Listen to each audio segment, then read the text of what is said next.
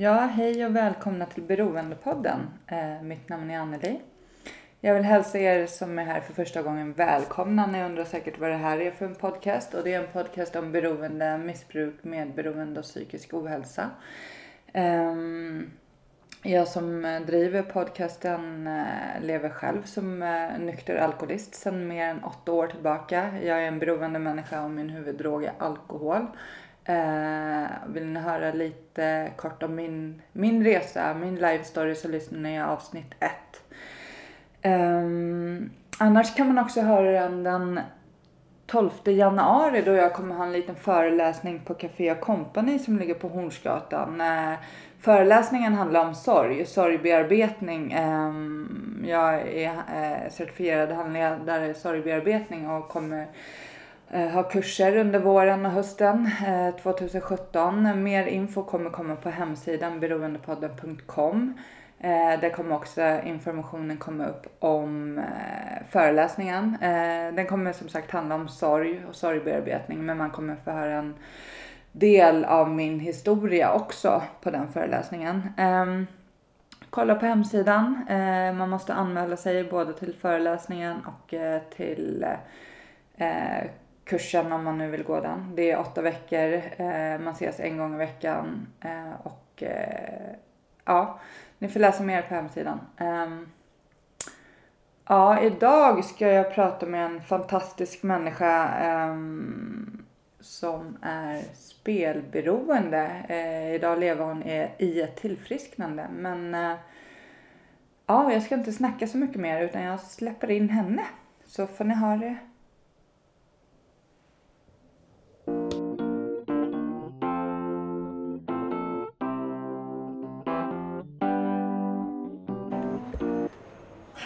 Ja, hej och välkommen hit Anke Persson. Tack så mycket. Mm. Och du sitter här för att du har en beroendesjukdom, och, eller du har beroendesjukdomen och din huvuddrog är spelberoende, eller spel. Ja, precis. Mm. Och jag fångar dig här innan du åker vidare hem i Stockholm. Du har varit och på ett seminarium om spel. Om spelberoende, ja. Mm. mm. Intressant. Jag missade ju tyvärr så jag kom ju här när det var slut. Men du får väl kanske berätta lite om det. Eh, ja, så varför sitter jag här med dig kan man ju fråga sig. Eh, det är jättefint och jättemodigt att du vill vara med i podden och berätta om hur det såg ut, eh, vad som hände och hur det nu är. Så du får jättegärna berätta lite om dig själv. Vem är du? Ja, vem är jag? Jo, jag är idag 54 år. Eh, jag var gift och hade fyra, eller jag har ju fyra barn fortfarande, men jag hade familj. Eh, när jag var 47 år så drabbades jag av en eh, stressreaktion. Och den i sin tur utlöste en himla massa ångest. Och så kom jag fram till att det där med att lägga patiens, det kan vara rätt kul. Men uh, vad tråkigt det blev i längden så då testade jag nätspel. Och så fastnade jag. Mm. Svårare än så var det inte. Bara över en natt liksom? Ja.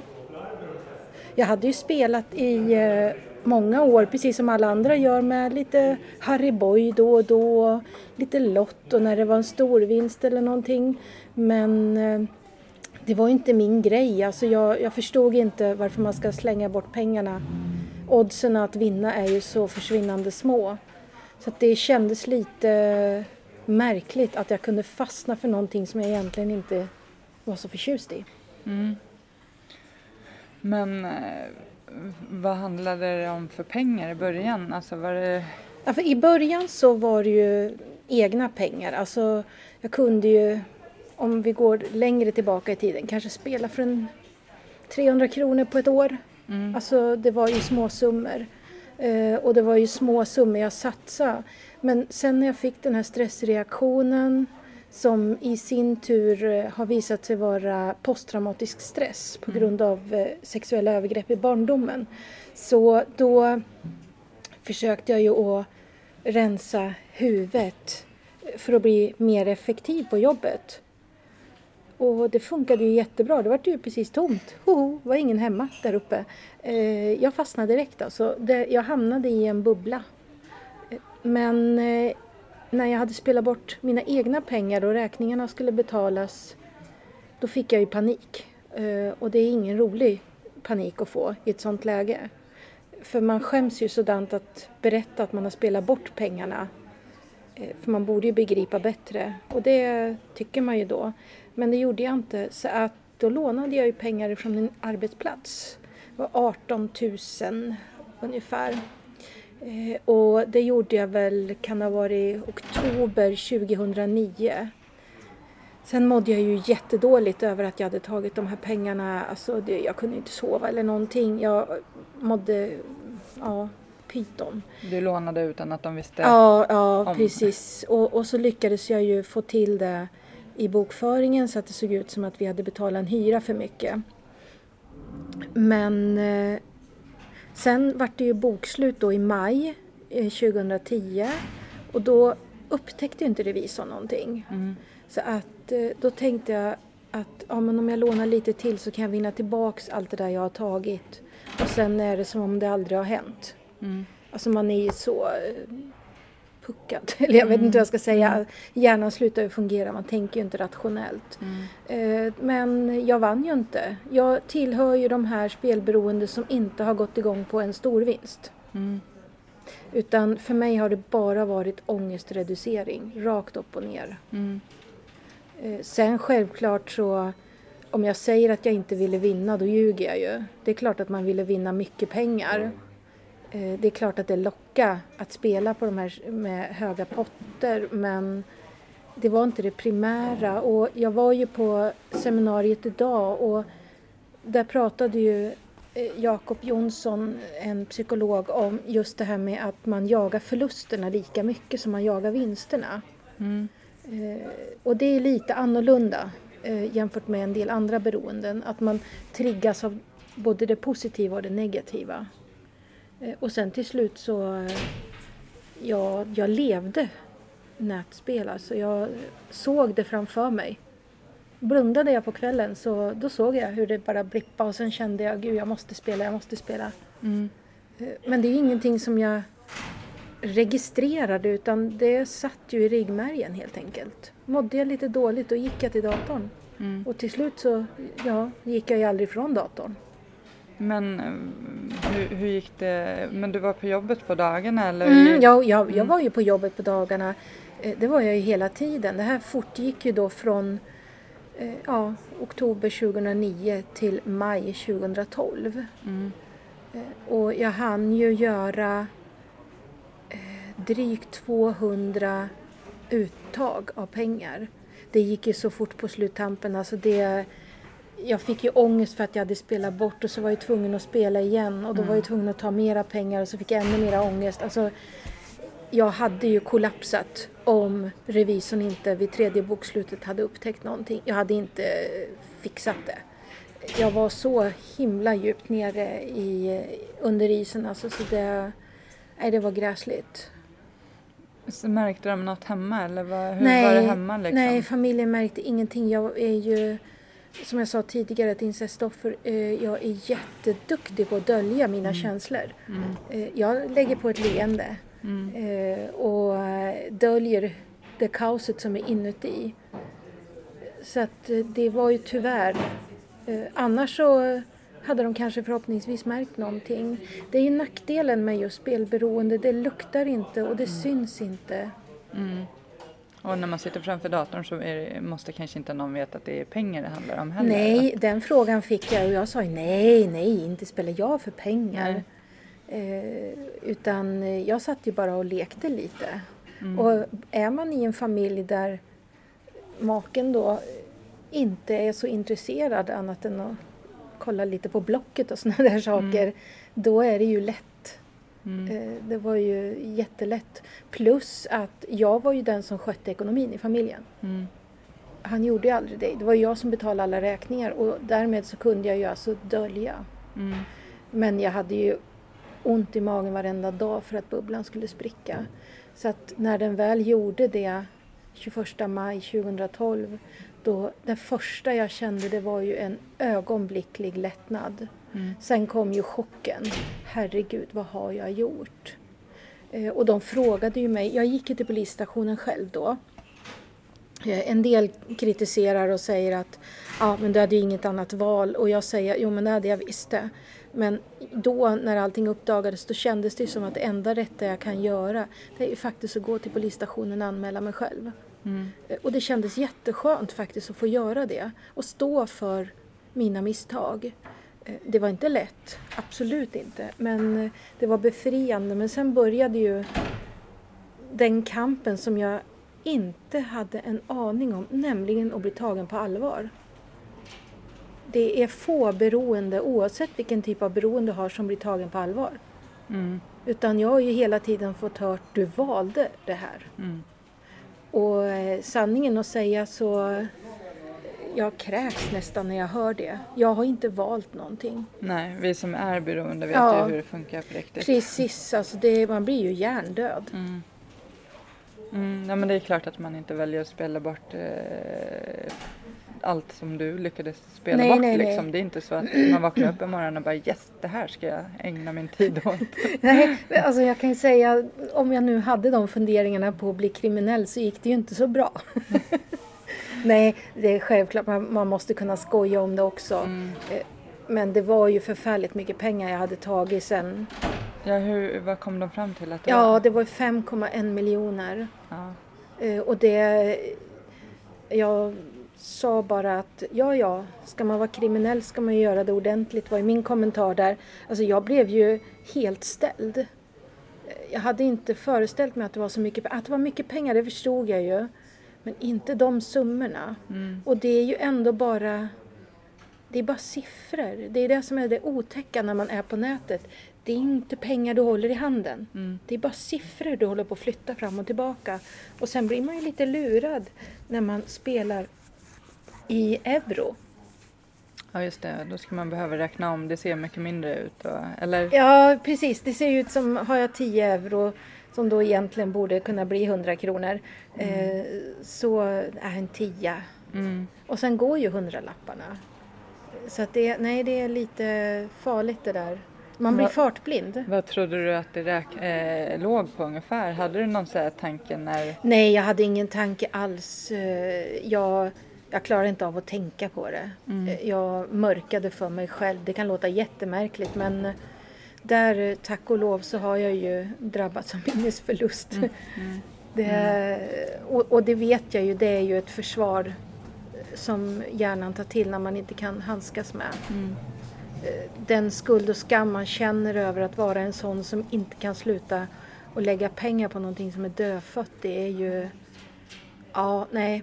Eh, Där har ju folk lättare att förstå om man dricker alkohol eller tar narkotika. För där relaterar ju folk till att de är beroendeframkallande. Mm.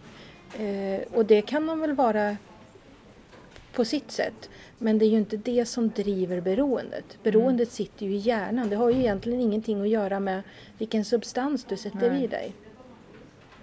Och de här spelen är uppbyggda för Ja, att ja, liksom ja. fånga framförallt eh, folk med beroendesjukdomen. Det ja, liksom, det, alltså det är precis som eh, det byggs ju upp en förväntan. När du spelar så kommer ju musiken, det, det stannar av hjulet och sen ser det ut som att du ska vinna. Eh, Och sen startar någon sån här musik och sen äh, så dog den. Mm. Och då, blir man ju, då vill man ju höra det igen. Och sen är de ju uppbyggda på så sätt att du ska få tre eller fem av samma av någonting. Då startar någon form av frispinn eller bonusspel. Och då blir man ju sådär, nej men jag vill ju veta vad som händer. Hur kommer det att se ut då? För det är ju som att se en tecknad film. Mm. Det är så himla gulligt. Mm. Det är otäckt alltså att man eh, blir så förförd. Mm. Eh, Ja, jag kan inte säga bättre. Jag blev förförd av Mm. eh, spelarna. Nej men alltså jag kan ju säga så här, jag skulle jag, min huvuddrog är alkohol men jag skulle aldrig ge mig på spel för jag tror att jag skulle fastna lätt också som den person jag är. Ja. Liksom. Så det, men, men vad hände sen? Så gick du och anmälde dig till Mm. polisen? Ja, Mm. jag gick och anmälde mig till polisen och sen eh, så eh, när jag åkte därifrån ringde jag Sluta spela-linjen och då sitter en ung tjej där och jag berättar, jag gråter och är helt i upplösningstillstånd. Eh, man ska inte prata telefon i bilen men nu gjorde jag det då. Eh, och hon säger till mig, nej men åh vad tråkigt. Och jag ville bara skrika rakt ut. Vad då tråkigt? Mitt liv är förstört. Ah, ba, ba, ba, ba, kände jag där. Men eh, jag är väl uppfostrad så jag sa inte det. Utan eh, jag frågade, ja men vad gör jag då? sa jag. Ja, vilken kommun tillhör du? sa hon då. Ja, Katrineholm, sa jag. Nej, ledsen, de har ingenting för spelberoende men du kan ju alltid ringa psyk, säger hon då. Eh, Mm. Okej. Ja, nej, men det lät ju faktiskt lite logiskt för jag mådde ju inte bra. Mm. Eh, så att eh, jag ringer till psyk och de undrar varför jag ringer dit. För jag är ju spelberoende och då hör man inte hemma inom psykiatrin. Ja, just det. Mm. Sen har det ju varit alltså en jättekamp. Jag har ju tack och lov träffat fantastiska människor på psyk i Katrineholm som har backat upp. Och sen har jag träffat, var bland annat en läkare som sa till mig när jag satt där och, och grät och försökte bli sjukskriven. Mm. Eh, så sa hon till mig att ja, men det är bara en liten kris, den går över, säger hon då. Och jag tänkte, aha, mitt liv har rasat, alla är arga på mig, jag har tagit en massa pengar, det är en kris. Nej, det här känns inte som en kris. Eh, och hon såg väl på mig att jag inte var riktigt övertygad där så att då säger hon i nästa andetag Ja, men om dina barn hade fått cancer så hade ju det varit värre, säger hon. Och då bryter jag ihop. Så då blev jag ju sjukskriven en månad och sen så pratade jag ju med, för jag hade en sjuksköterska, en manlig då, som jag fick prata med. Då, då sa jag det att jag vill inte träffa den där läkaren mer. Alltså, för jag kände mig så kränkt. Något så fruktansvärt. Sen har det ju varit en ständig kamp. För att för mig så är det ju psykisk ohälsa som har lett mig in i ett beroende. Mm. Jag var bara inte medveten om att jag faktiskt gick med ångest och depression. Det kan låta jättemärkligt men jag trodde alla kände som jag. Mm. Eh, och sen nu idag så vet jag att det var ju alltså en posttraumatisk stress som utlöstes där jag återupplevde övergreppen, så, precis som när de hände. Eh, och jag kände ju inte igen den här, den här nya situationen. Att jag har fått flashbacks, det har jag ju fått i hela mitt liv. Och eh, reagerat underligt när jag har sett hus eller män eller dofter och sådär. Men nu vart det på ett helt annat sätt. Och det var ju där som spelet kom in då, för när jag spelade så försvann allt. Mm. Och jag ville ju in i den där bubblan utan ångest. Vad jag inte förstod då, det var ju att jag fick ju ännu mer ångest. Så det blev ju en nedåtgående spiral som eh, jag nog inte hade överlevt.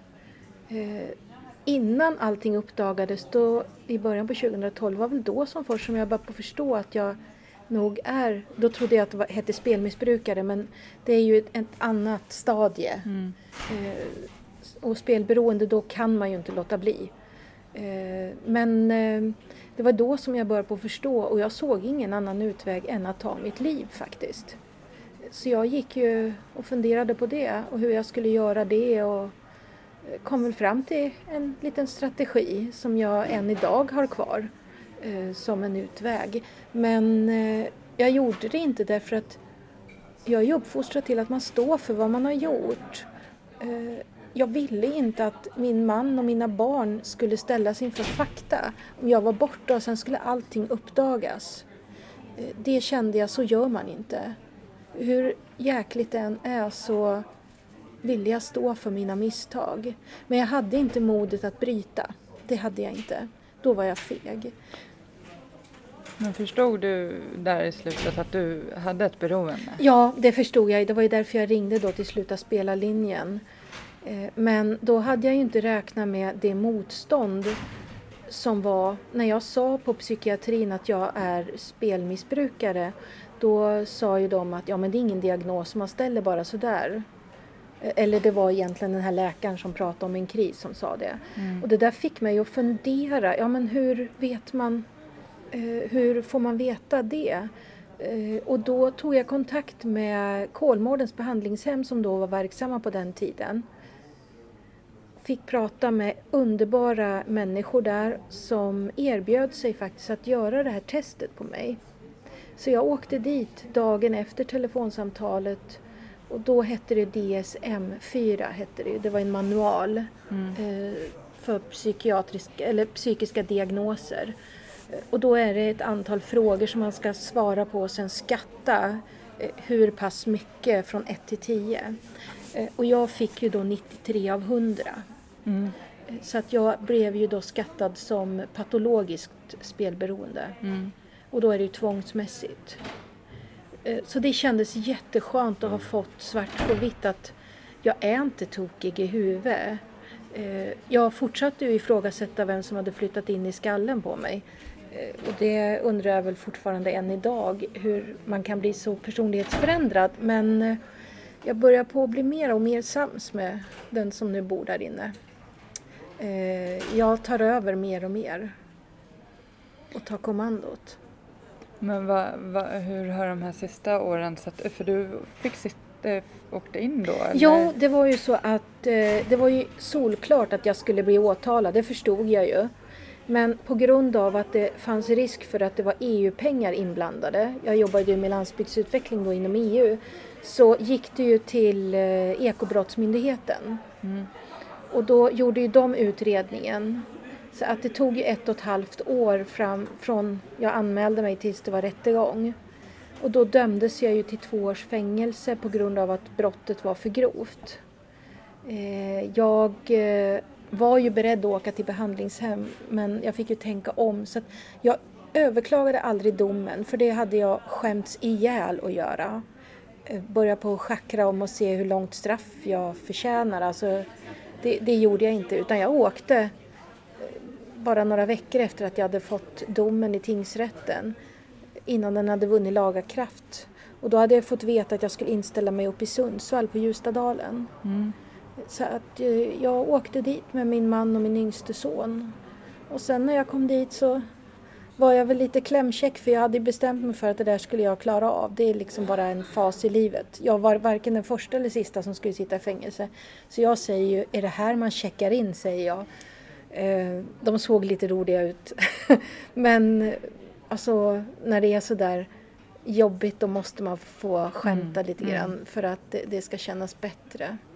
Men, men vad är känslorna så in, att få veta att man ska in i fängelse och på väg dit? Alltså, Alltså det var ju, det var ju jätte, jättejobbigt därför att det är ju det värsta man kan göra, att man blir straffad. mm, Eh, Då är man ju dömd i samhällets ögon för alltid. Mm. Det spelar ingen roll hur många år det kommer att gå. Jag kommer alltid att vara den Mm. kvinnan som har suttit i fängelse för att jag har tagit pengar.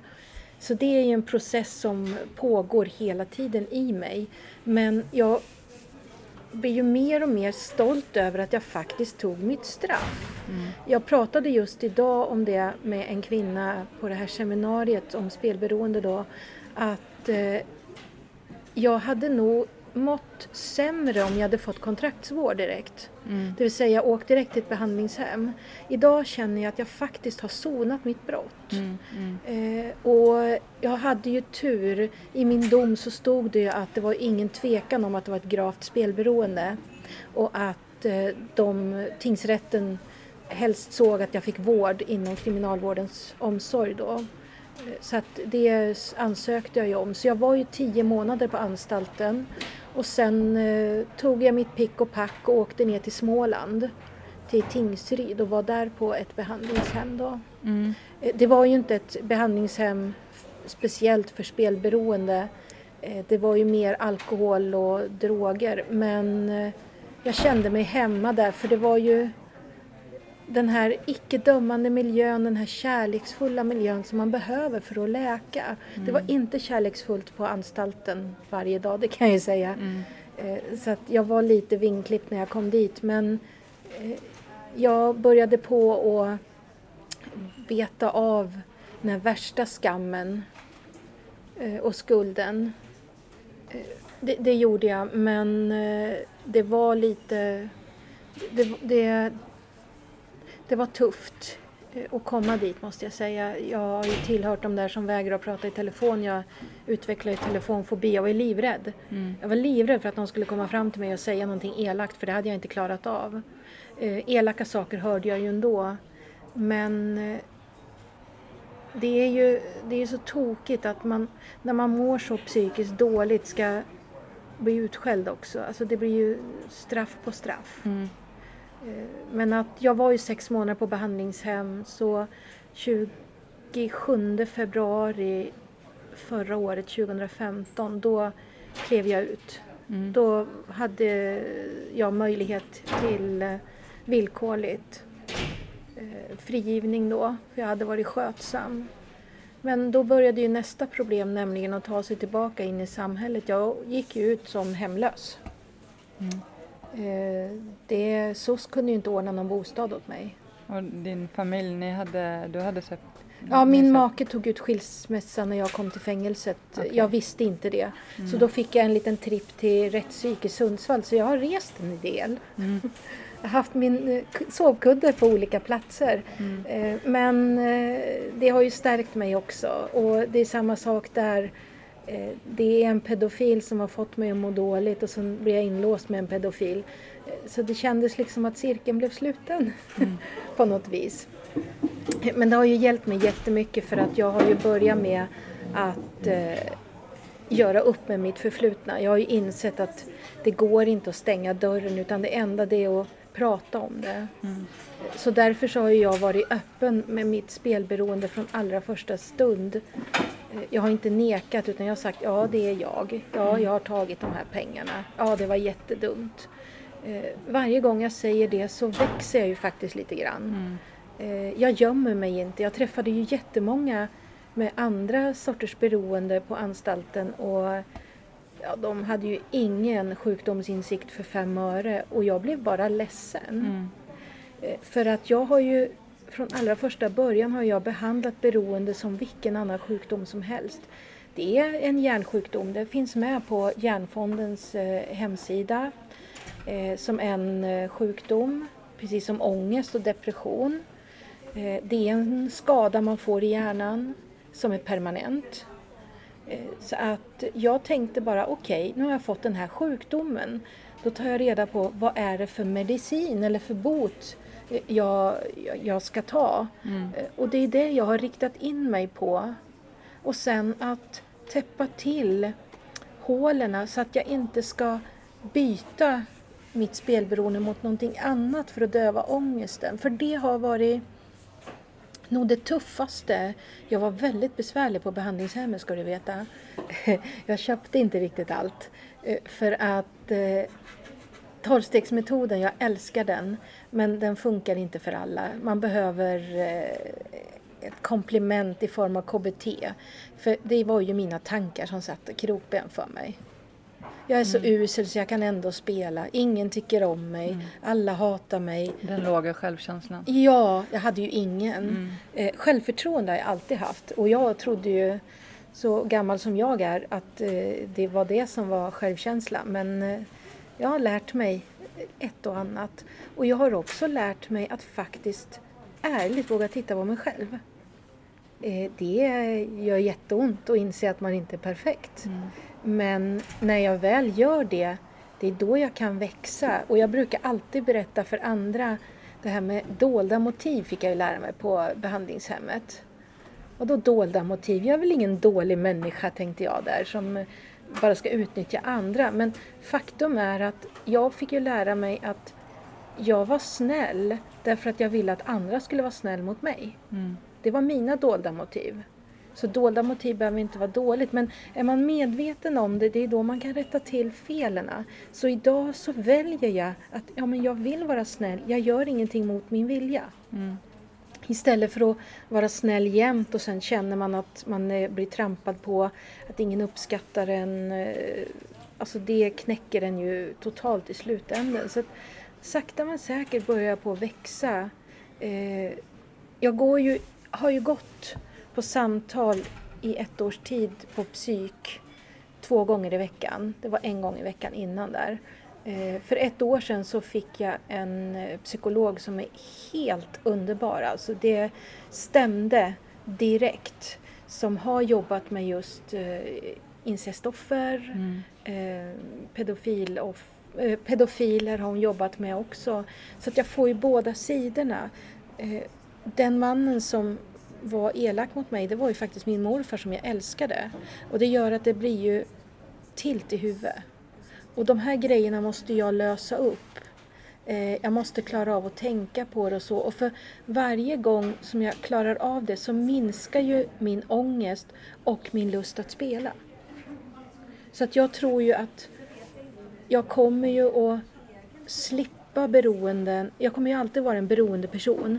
Men jag tror jag kommer att slippa att trilla in i ett nytt beroende ju mer medveten om mig själv jag blir. Var mina svagheter ligger och framförallt att man vågar säga eh, att oj vilket sug jag fick nu. Utan mm. att alla ska ringa ambulans och brandkår och polis och hela köret. Utan att man vågar säga det. Men det är ju jättetufft att säga det i ett sammanhang där det inte finns andra beroende. Mm. Mm. Nej, men jag tänker på det här liksom, eh, för att det är ju eh, spelet, det var ju lösningen på dina det problem. Det var min lösning, ja. Så, mm. Som du tar, tar hand om det som är, är det som gör så att du måste spela så behöver du inte Nej, jag säger ju att jag har ju gått med ett stort sår inombords som jag har plåstrat om lite tillfälligt men det har ju vuxit en varböld under. Mm. Nu gör jag jobbet genom att göra rent såret ända ner på djupet. Mm. Eh, det är jättetufft Eh, och det har resulterat i återfall. Men jag slår inte på mig själv utan jag fick lära mig, jag fick ju jättefin hjälp av kriminalvården och eh, frivården. De hjälpte mig med KBT fick jag ju när jag kom ut. Eh, jag har fått motiverande samtal. Eh, jag har haft personer jag har kunnat ringt och prata med när det har blivit jobbigt och de har verkligen försökt att hjälpa mig. För jag har ju varit så vansinnigt ensam alltså, helt själv. Så att eh, de har ju hjälpt mig med att eh, våga titta på vissa bitar och våga ta tag i vissa bitar så att det inte ska bli så ah, vad ska jag säga, stigmatiserande utan att jag får vara jag och jag får vara en person som kan snubbla ibland. Hon sa till mig, hon som höll de här motiverande samtalen att om man går ut efter en väg, ibland ligger det faktiskt en stor sten där mm. som man inte uppmärksammar. Man tittar åt ett annat håll och då trillar man ju i diket. Och frågan är ju vad du gör då. Det är det som är ett tillfrisknande. Mm. Ligger du kvar och tycker synd om dig själv eller reser du dig upp och borstar av dig och går vidare? Ja, självklart reser jag mig upp. För jag har ju valt den vägen. Mm. Det är den vägen jag vill gå. Sen måste jag ju vara medveten om att ibland så ligger de där stenarna där. Men jag ska inte slå på mig själv utan jag ska snarare klappa mig på axeln och säga vad bra att du reste dig upp. Man måste vara lite snäll. Eh, det här andra eh, elakheten och så, det får man ju höra från omgivningen. Jag vet, jag, alltså, jag hade ju sån ångest på anstalten. Något så fruktansvärt. Och det resulterade i 134 mössor. Alltså jag bara satt och sticka, sticka, sticka, mm. sticka. Jag hade inga mönster, ingenting. Jag bara satt och sticka och hittade på mm. vartefter. Eh, för att slippa eh, tänka på saker och ting. Och sen hade jag en enorm sorg. Jag saknade spelet så oerhört mycket. Men i alla fall, i september i år då, så stod jag på torget i Katrineholm och så hade jag dukat upp mina mössor där på ett bord eh, i förhoppning om att någon ville köpa dem. Eh, och så stod det en, en, kvinna bredvid mig som också hade ett bord då, hon sålde lite grejer. Och då tittar hon på mina mössor och sen säger hon Åh vad fina mössor säger hon. Ja tack sa jag då. För det har jag lärt mig nu att man ska säga tack och verkligen känna att man menar det. Eh, och då så, men hur har du hunnit sticka alla de här mössorna? säger hon då. Ja, men det var inte så svårt, sa jag. De gjorde jag ju fängelse. Och hon höll ju på att krevera där. Så att, va? Va? Har du suttit i fängelse? sa hon. Och det ska ju tilläggas att jag ser inte ut som en Nej. person som har suttit i fängelse. Så att jag sa, ja, ja, det har jag. Alltså. Sen vart hon tyst och så såg jag hon fundera. Sen så sa hon, ja, men Får jag fråga varför? sa hon. Ja, självklart får du det, sa jag.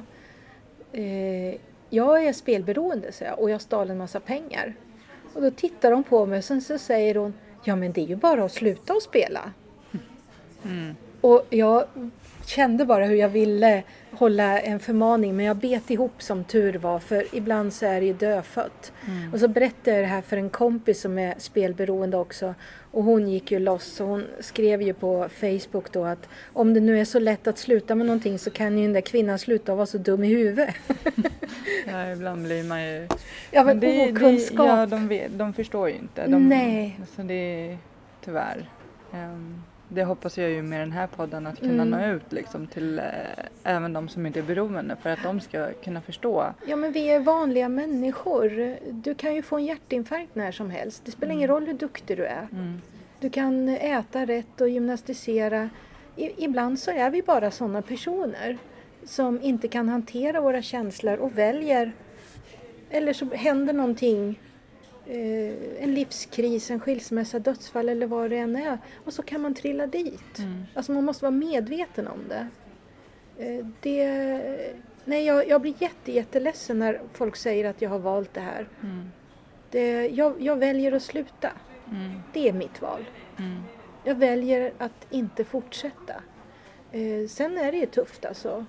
Och det är där man vill ha cred för att man faktiskt får sjukdomsinsikt. Eh, och sen vill ju inte jag bli sedd på som om jag är en andra klassens samhällsmedborgare. För det är ingen av oss. Mm. Jag vet en gång så var vi med behandlingshemmet, vi skulle gå och lyssna på föredrag av Håkan Hemlin, Nordman. Mm. Eh, och vi parkerar i parkeringshus i Växjö. Och så när vi går därifrån och ska ta oss ut, då passerar vi ett gäng som är rätt överförfriskade. Eh, det syntes att de var hemlösa och så vidare. Och våran kommentar när vi hade gått förbi, det var ju bara hoppas att de klarar sig eh, och undra vad de har varit med om och det där hade kunnat vara vi. Mm. Eh, Det är så hårfint. Så jag var ju en av dem som förr liksom fnös åt de som satt på parkbänken och tänkte ja ja, varför väljer man ett sånt där liv? Det måste ju vara något fel på en. Klipp och skaffa ett jobb ungefär. Mm. Idag så känner jag en enorm sorg i hjärtat och jag känner kärlek till dem. För jag kan inte låta bli att fundera över vad de har upplevt som gör att de mår så dåligt. Mm. Jag träffade ju en man i Växjö som eh, var ett av de här barnen som får, eh, fick ersättning från staten därför att de hade blivit så illa behandlade när de var i fosterhem. Mm. Eh, Och de historierna, när man hör dem och sen vet att de har tagit droger för att orka leva. Alltså jag känner bara, ja, jag blir stum av beundran att de fortfarande står på benen. Hur många hade inte lämnat in handduken för länge sedan? Det är styrka Mm. Och kärlek. Mm. Så att eh, jag har blivit en mycket, mycket, mycket bättre människa. Mycket... En mindre dömande, mer kärleksfull, tålmodigare. Eh, ja, nej, det... Tack spelberoendet får jag väl säga. nej, men det kan låta lite eh, knasigt kanske. Men det har Nej, gett mig för- en... eh. Alltså rätt knuff. Mm. Jag fick rätt knuff. Och jag har haft en ofantlig tur hela vägen måste jag säga. Det har varit kämpigt. Men jag är envis och jag har träffat på rätt människor. Och sen tror jag det är väldigt viktigt att man också kan ge uttryck för vad man känner. Om man sätter sig bara rakt upp och ner och gråter och inte kan förmedla vad det är som är fel, då, då kan man ju inte få hjälp. Men om man vågar öppna sig och tar det, den risken och vågar blotta sig. Alltså jag valde ju från allra första början, jag satt ju på anstalten eh, då i Sundsvall och så läste jag våran lokaltidning i Katrineholm och jag tror jag stod på fyra, fem, sex ställen som årets största händelse. Och jag, jag blev ju arg. Alltså, jag tänkte, här sitter jag, ett incestoffer som fick posttraumatisk stress och så ska jag figurera i tidningarna som världens skurk. Mm. Eh, det är jag i och för sig, man ska inte ta pengar. Men jag, jag blev arg och då tog jag kontakt med tidningen så de kom faktiskt upp och gjorde en film eh, och sen en intervju. Eh, Och sen blev jag ju kontaktad av tidningen Aftonbladet via min advokat och jag kände bara att ja, nej men jag skäms inte. jag vägrar att skämmas för att jag har en sjukdom. Mm. Eh, att därför så gick jag ut och var offentlig och jag visste ju, jag är inte dummare än att man får skit. Eh, det, det får man. Men mitt mål att göra det, det är ju faktiskt att hjälpa de som mår dåligt. Det är för mycket hyckleri när det gäller just det här med psykisk ohälsa och beroende. Mm. Det, jag, jag läste faktiskt, jag är ju faktanörd. Eh, jag vill ju veta vad som händer i minsta detalj. Jag måste förstå. Eh, och då läste jag just det här när det gäller psykisk ohälsa. Den vanligaste formen av psykisk ohälsa, vet du vad det är? Nej. Det är att du har en fobi. Till exempel rädd för spindlar eller rädd för höjder eller någonting. Mm. Och då när man börjar på räkna i sin bekantskapskrets så hittar man dem rätt snabbt. Eh, och varannan får någon gång en depression. Mm. Och att det sen i sin tur leder till självmedicinering i någon form. Ja, det, jag tänker inte be om ursäkt för det. Mm. Jag ber om ursäkt för att det gick åt pipsvängen att jag to- tog pengar. För det var ju jättedumt. Mm. Eh, elakt. Så gör man inte. Men jag står för det. Eh, jag säger att det var dumt gjort. Mm. Det är det enda jag kan göra. Ja, man kan ju inte be om ursäkt för att man har en sjukdom. Alltså så. Nej, men det är som men- att jag ska be om ursäkt vilken hårfärg jag Mm. har. Kan man i och för sig ändra. Men eh, ja, nej alltså och det du gör är ju jättemodigt eh, att du, du är med i podden och, och jätte, alltså det behövs ju verkligen. Alltså det finns ju så många, jag, mycket av det du har sagt nu, jag bara men gud, åh tack att du säger precis det där för att jag vet att det finns de som behöver höra det du, precis det du har sagt liksom jättemycket så det eh, och och också när man delar med sig så försvinner ju skammen mer och mer. Ja, men den gör ju det. Alltså, Jag Mm. blir ju hjälpt hela tiden. Jag mår ju bättre själv. Mm. Det är mina dolda motiv. Mm. ja men lite, Jo, men det, jag är medveten om det. Och sen så från allra första början så, så sa jag ju till mig själv Okej, han där uppe vill säga mig något med det här. mm, Eh, det är meningen att jag ska ändra riktning i livet. Och då kanske det är meningen att jag ska klara det här för att jag ska kunna hjälpa andra som kanske inte hade klarat det lika bra. mm, Eh, det, det är inte alltid så roligt att vara stark kan jag säga. Eh, men eh, i det här läget så har det ju hjälpt mig. Och sen sjuk hu- humor. Det måste man ju ha. mm. Men vad har du för tips då? Har du något så här, om det är någon som lyssnar nu? Ja, om det är någon som lyssnar. Eller, och- eller det är någon som lyssnar, det är rätt så många ja, som lyssnar. Ja, jag hoppas verkligen det. Men, ja. Eh, ja. Eh, nej, men till eh, er som lyssnar som tror att ni är spelberoende, då är ni förmodligen det. Vart kan man vända sig? Alltså, ja, man kan, det, man kan liksom? vända sig. Det finns ju Spelberoendes riksförbund till exempel. Det finns andra, alltså man kan bara googla på spelberoende så kommer de upp. Mm. Och då tar man kontakt med någon där. Och i min perfekta värld eh, så vill jag att den som svarar ska säga Åh vad bra att du ringer, modigt gjort. Mm. Nu gör vi så här. Därför man behöver någon som håller en i handen för man är så skör och så skakig så att eh, man kan inte ta de här besluten själv, bara gå på ett möte. Eh, man kan också faktiskt om man vill gå på AA-möte eller NA-möte eller vad det är. Bara att få träffa andra beroende för då kan man få in en liten fot och få höra med dem. För det är ju i grund och botten samma sjukdom. Eh, det är ju lite olika mellan dem självklart men det är ju samma driv. Det är samma hjärnsjukdom. Eh, och sen om det är någon anhörig som lyssnar så kan jag ju säga att om personen inte är medveten, inte har sjukdomsinsikt, då är det faktiskt att stånga sig blodig. Eh, då måste man be om hjälp. Då vänder man sig till socialtjänsten eller eh, landstinget eller något eh, och, och berättar att den här personen mår jättedåligt. Men du kan ju inte hjälpa någon som inte vill bli hjälpt. Alltså det är en omöjlighet. Eh, Har man inte sjukdomsinsikten då är det Jättesvårt. Och jag tror att det smartaste man kan göra i det läget, det är inte att säga varför gör du så här, varför väljer du att skada familjen, och, utan snarare okej, okay, du har fått en sjukdom, en beroendesjukdom, det är en hjärnskada. Eh, den är inte möjlig att bota men den är möjlig att leva med. Mm. Att till, leva i tillfrisknande som man Ja säger. precis, det är ju ett, ett livslångt tillfrisknande. Eh, och då, alltså man, om man bara går ut på nätet och söker så finns det jättemycket. Och jag vet till exempel till Katrineholm där jag kommer ifrån så har man ju anhöriggrupper och så vidare. Så även om den sjuke inte har insikten så kan de anhöriga gå få avlastning. Mm. Och till sist och syvende så kanske man måste lämna personen ett tag för att inte må så dåligt själv. Det, så ärlig måste man ju vara. Mm. Eh, för man kan ju inte hjälpa någon om man själv är under isen. Och det finns ju någonting som heter medberoende.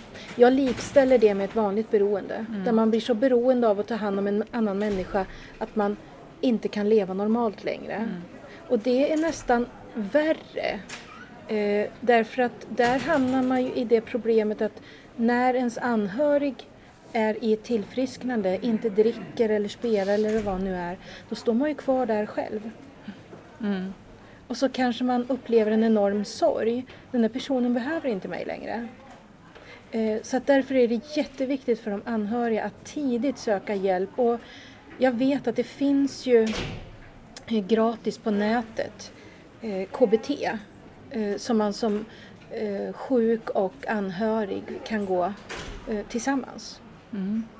Så det är bara ut och googla. Alltså det mm. finns jättemycket. Jag tillbringar varje dag med att googla mm. eh, spelberoende och, ja, och sen psykisk ohälsa och så. Och de sitter ju ihop så det nästan är kusligt alltså. Det är så många psykisk, eh, psykiska diagnoser som leder till ett beroende. Mm. Jo, men så är det ju. Det, det är ju den här självmedicineringen. Mm. Eh, och sen att det blir, jag liknade det vid den största kärleken i mitt liv. Mm jag kunde inte släppa. Alltså det tog över allt. Mm. Eh, idag så har jag ju tagit tillbaka kommandot. Eh, och det finns väldigt bra litteratur att läsa också om man nu får göra sån reklam här. Absolut. Mm. Eh, det finns en man som heter Craig Nacken. Mm. Jaget och missbrukaren. Mm. mm. Eh, den, när jag var hemma på min första dygnspermission, jag var till mina föräldrar då fick jag den, nej det var andra, jag höll på att ljuga i radion. Oj. Eh, nej, den andra. Eh, då hade jag varit nere på studiebesök hos det här behandlingshemmet som jag ville söka till. Mm. Då fick jag den här boken och jag sträckläste den. Den är tack och lov inte så tjock. Den är krånglig eh, i sitt språk. Och det tror jag har att göra med att den är översatt mm. faktiskt. Men när man väl lyckas tränga in i den, då är det ju klockrent. Alltså det släppte ju mycket av den skuld jag känner för att jag blev sjuk. Mm. Eh, och det var också där som jag upptäckte att den enda som kan göra mig frisk, det är jag själv. Det finns ingen annan. Det spelar ingen roll hur mycket resurser man lägger till om man inte vill bli frisk och inte förstår att det här är ett problem. Mm. Eh, så att jag upplever ju att det är ett jätteproblem det här med att man ska skuldbelägga den som har beroendesjukdomen. Eh, att samhället är så illa upplysta helt enkelt. Jag skulle ju vilja att det förelästes på alla skolor om beroende, oavsett vad det är. Mm. Det finns sockerberoende, sexberoende, shoppingberoende. Alltså det, det skapar ju samma skuld och skam mm. mot andra. Att man inte kan låta bli att köpa upp sina sista pengar när man ska betala hyran. Alltså, mm. det, det, är ju den där lilla, åh nu har jag den här fina saken-kicken eh, mm. som man är ute efter. Men om man får en grupp att flitigt besöka skolorna då tror jag till och med att barnen skulle kunna vara bättre förberedda och kanske rent av inse att ah, men vänta nu gör jag det här nog lite för mycket. Och jag brukar också säga det till folk att ah, men gillar du att spela golf som ett exempel? Ja, Ja, men vad händer om någon säger att du inte får spela golf? Ja, men vad, vadå? Jag brukar ju alltid spela golf. Och, och då, om man känner irritation, då kanske man ska vara lite vaksam. Mm. Nu säger jag inte att man blir beroende av det, men om du förstår hu- hur jag tänker att det är viktigt att man är medveten om sitt begär. Eh, Det finns ju det som är okej och sen det som är mindre okej. Eh, Så här vid den här tiden på året så är det väl kanske pepparkakor och skumtomtar som eh, många faller in i. Men alltså att man måste lära känna sig själv så pass mycket så man märker signalerna. Och jag kan ju säga att jag har ju varit beroende av Treo och nässpray och Lipsy. Inte helt ovanligt. Nej, det är väldigt vanligt. vet jag många. Ja. Och det är lika hemskt det alltså. Jag vet ju när näsan svullnar igen, för jag kan ju inte använda nässpray, jag blir ju svullen av den. Eh, den där paniken man får och sen lättnaden när man får sitt nässpray. Eh, Så det är en kamp. Och jag har full förståelse för de människor som röker. Att det är inte så lätt. Jag menar andra som inte har suttit i den sitsen och säger men det är ju bara att sluta. Ja, jo visst. Alltså det heter beroende av en viss anledning. Därför att man kan inte sluta.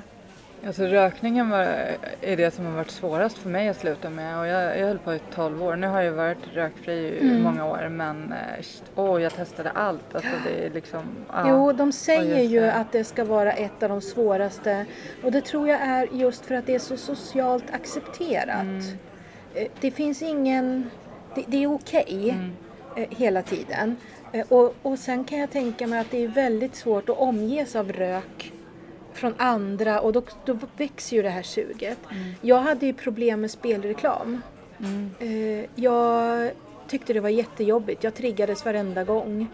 Ja, jag tänkte på det för det är på, på varenda kanal ja, hela ja. tiden. I varje, I varje paus så är det en Ja, nej, idag så märker jag det inte ens. Nej, okej. Det är lite grann som när barnen var små och de höll på att slå ihjäl varandra. Jag kunde i godan ro sitta där och dricka en kopp kaffe och läsa en tidning. De var bara bortkopplade. Eh, Jag har gjort samma sak nu. Därför att jag är inte en sån som tycker att allt ska förbjudas. Eh, Utan eh, vi har ju ett visst ansvar var och en. Och det finns ju de som faktiskt tycker det är roligt att spela och ska få göra det och det inte är något problem. Men det är ju mängden som inte är okej. Alltså jag önskar ju att det blev en reglering samma som det har blivit med alkoholreklam. Eh, Det, det hoppas jag ju och jag tror att vi kommer i framtiden att se en förändring. För jag är med lite i såna här, eh, man ska svara på enkäter på nätet. Eh, Och då får jag ju ofta frågan, har du sett den här reklamen? Och det, det vet jag inte ens. Förmodligen har jag gjort det, men jag har inte registrerat det. Så jag tror att någonstans börjar vi på att bli trötta. Vi ser det inte längre, för det har varit för mycket. Eh, Så jag, jag tror att det kommer att dö ut lite grann av sig självt. För de gör ju de här mätningarna för att se hur mycket som går fram och jag tror inte det är så mycket som går fram egentligen. Men är du en person som inte är i tillfrisknande och ser den här reklamen, då är det ju förödande. Är du i tillfrisknande så är det en tagg och sen till slut så blir det bara någonting blekt. Som man kan handskas med. Jag kan tänka att det är samma sak när man ser alkoholreklam eller någonting. Man, eh, har Det har druckit. inte jag några problem med längre. Nej, Alltså jag har inga problem med att sitta på en julmiddag med folk som dricker. Alltså så här, men för några Ja, Förut ja, hade det ju precis. varit ett jätteproblem med. Ja, men då är man ju fortfarande skör. Eh, Man behöver ju få den här styrkan och känna att ja, men jag klarar det här. Och sen framförallt så behöver man ju komma till det läget att man vågar säga att det här är jobbigt för mig. Jag vet ju att på behandlingshemmet så blev man ju fråntagen sina mobiler. Och så fanns det en dator. Och jag mådde så dåligt att sitta i det där rummet där datorn var. Den, den ropade på mig. Anki, hallå, här är jag. Och jag var nej, nej, nej. Eh, för jag hade varit ifrån dator i tio månader. Och sen när de fick ut sina mobiltelefoner så satt de ju med dem direkt. Och jag var ju utan mobiltelefon i ja, ett och ett halvt år. Det var riktigt skönt faktiskt. Eh, och då såg ju jag hur de satt och genast så satt de ju och spela. De var ju till viss del spelberoende också fast de hade andra. Och jag sa ju till till slut att jag vill inte att ni sitter här och spelar för det är jättejobbigt för mig. Och, och det var ju samma sak på anstalten, där var det ju okej att spela bingo. Det var ju till och med så du kunde köpa bingolotter eh, och sitta och spela. Och jag ifrågasatte. Jag fick inte in ölkorv en gång för att det stod öl. Det fanns ju ingen alkohol i det. Men det var ordet. Eh, och då med, men jag är spelberoende. Jag mår jättedåligt eh, av att eh, det spelas här. Men jag höll mig ju undan och jag sa ju till alla att ser ni mig någon gång säga att ja, men jag kanske ska vara med och spela bingo en lördag, då kasta ut mig. Eh, och det är samma sak om du sitter för sexbrott. Då får du inte få in nakna bi- bilder på nakna människor, Nej. inte ens tecknade. Så att eh, det, jag tror att det har gått lite för fort. Man har inte hängt med just när det gäller spelberoende. Men att man börjar på vakna lite grann nu då. Men det, ja, nej usch, det är inte lätt. Nej. Men eh, vad sa de på det här seminariet då om eh, hur, hur, vad tror de att hur mycket det kan vara, röra sig om spelberoende? Ja, Var det något? ja, det är ju problemspelare kallar man det för. var ju 130 000 enligt senaste mätningen. Eh, Och av dem så är det 30 000 som är spelberoende, alltså den grava.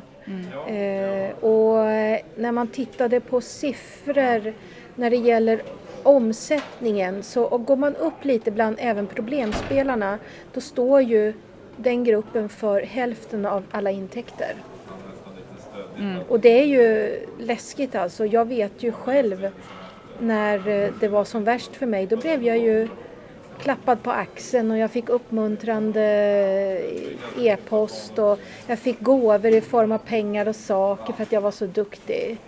Eh, Och det är klart att de eh, lägger resurserna där. Jag pumpade ju in miljontals kronor. Eh, Det, alltså det är ju hyckleri att säga att de gör någonting för att motverka spelberoende, för det gör de inte. Det är så lätt. Det är bara att lägga all den här informationen om hur mycket pengar du sätter in eh, och hur mycket du tar ut. Då ser du ju mellanskillnaden, hur mycket du går back. Om de lägger den offentlig, så att du själv kan gå in när du loggar in på ditt konto och se det. Då tror jag nog att det finns några som tänker till lite grann.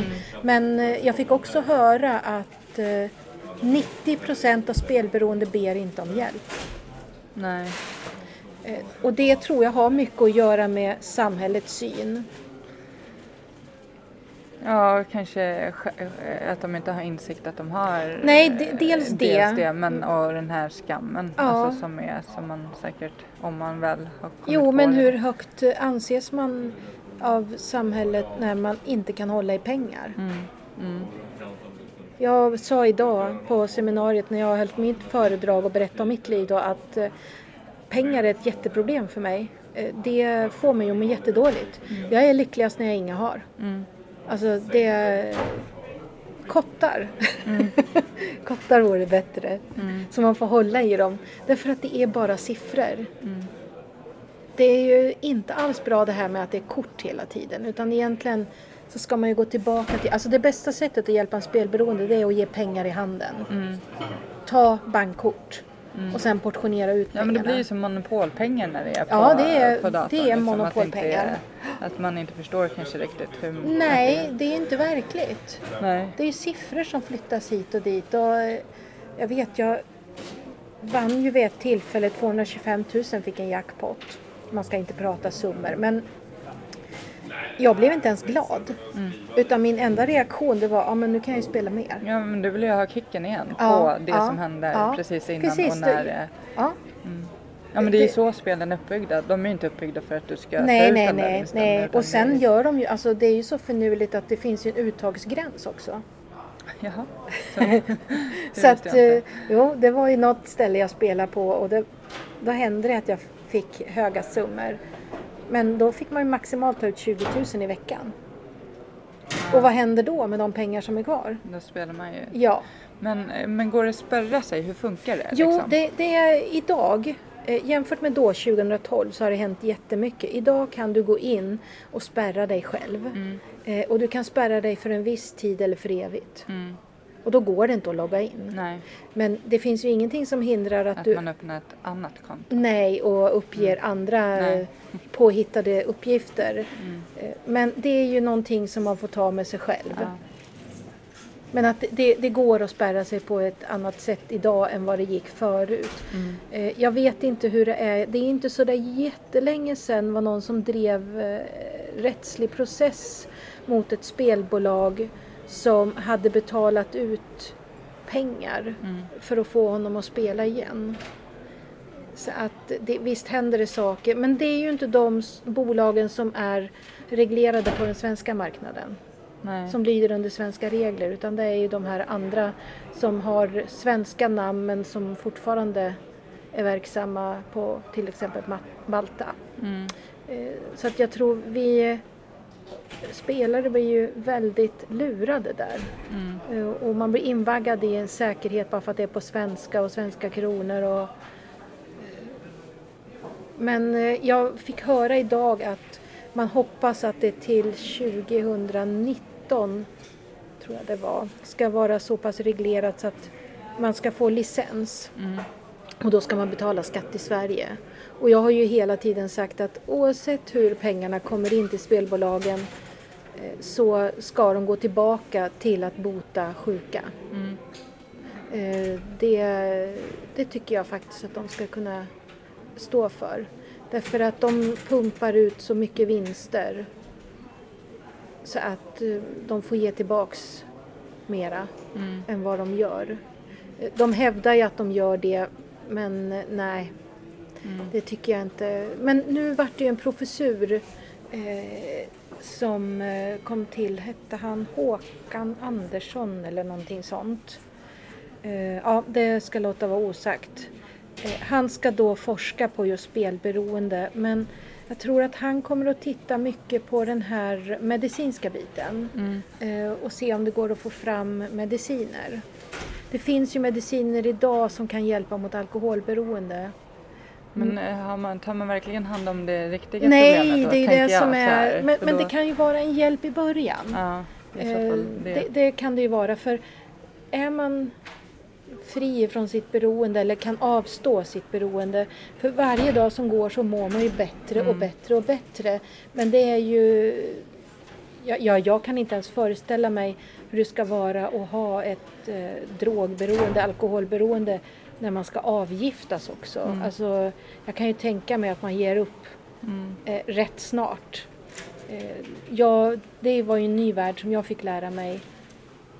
Och det är jag ju oerhört tacksam för, för det hade jag ingen aning om. Eh, att det var så illa. Mm.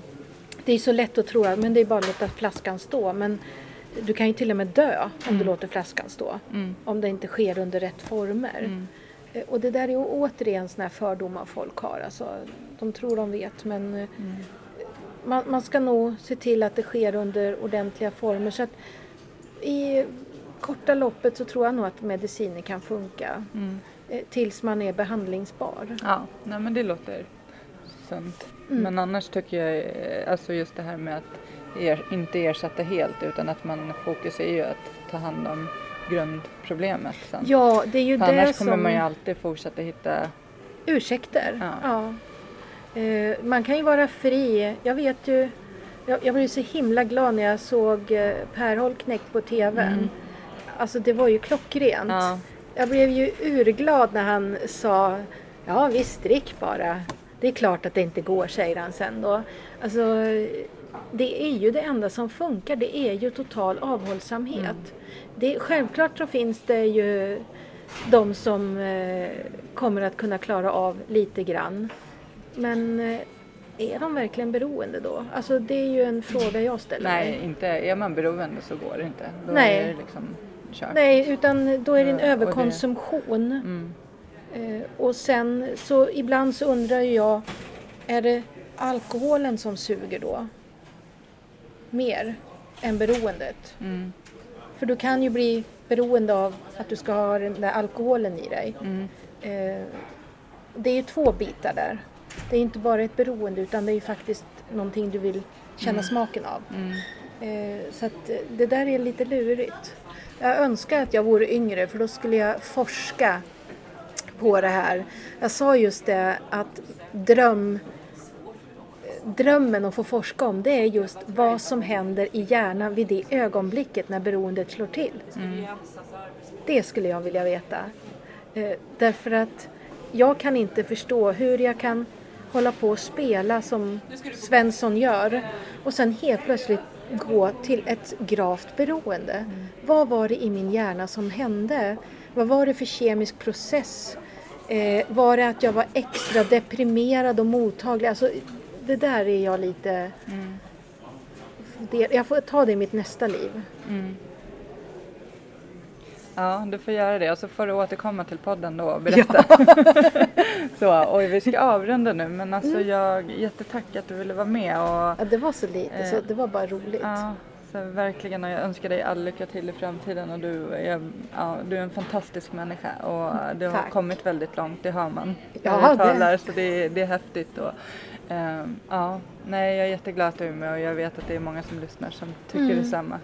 Så, um, Ja, och du beskrev det så otroligt tydligt också. Hur det, hur det ser ut mm. liksom, om man har den här sjukdomen som du och jag har. Men vi har ju olika drog då. Men ja, så önskar jag dig all lycka till. Tack så mycket. Och var rädda om er, ni som lyssnar. Mm. Om man vill komma i kontakt med dig, mm. finns det någon möjlighet förresten? Eh, ja, det, det, kan man. Jag finns ju på Facebook, mm. Ann-Kristin Anke Persson. Jag har Catwoman ja. som min bild. eh, och sen eh, så kan man ju nå mig på min e-post mm. som är kolpussen, Kalle, Olle, Ludvig, Petter, eh, Urban, Sigurd, Sigurd, Erik, Niklas. Mm. Snabela hotmail.com. Bra, mm. då säger vi tack och hej. Ja, tack. tack.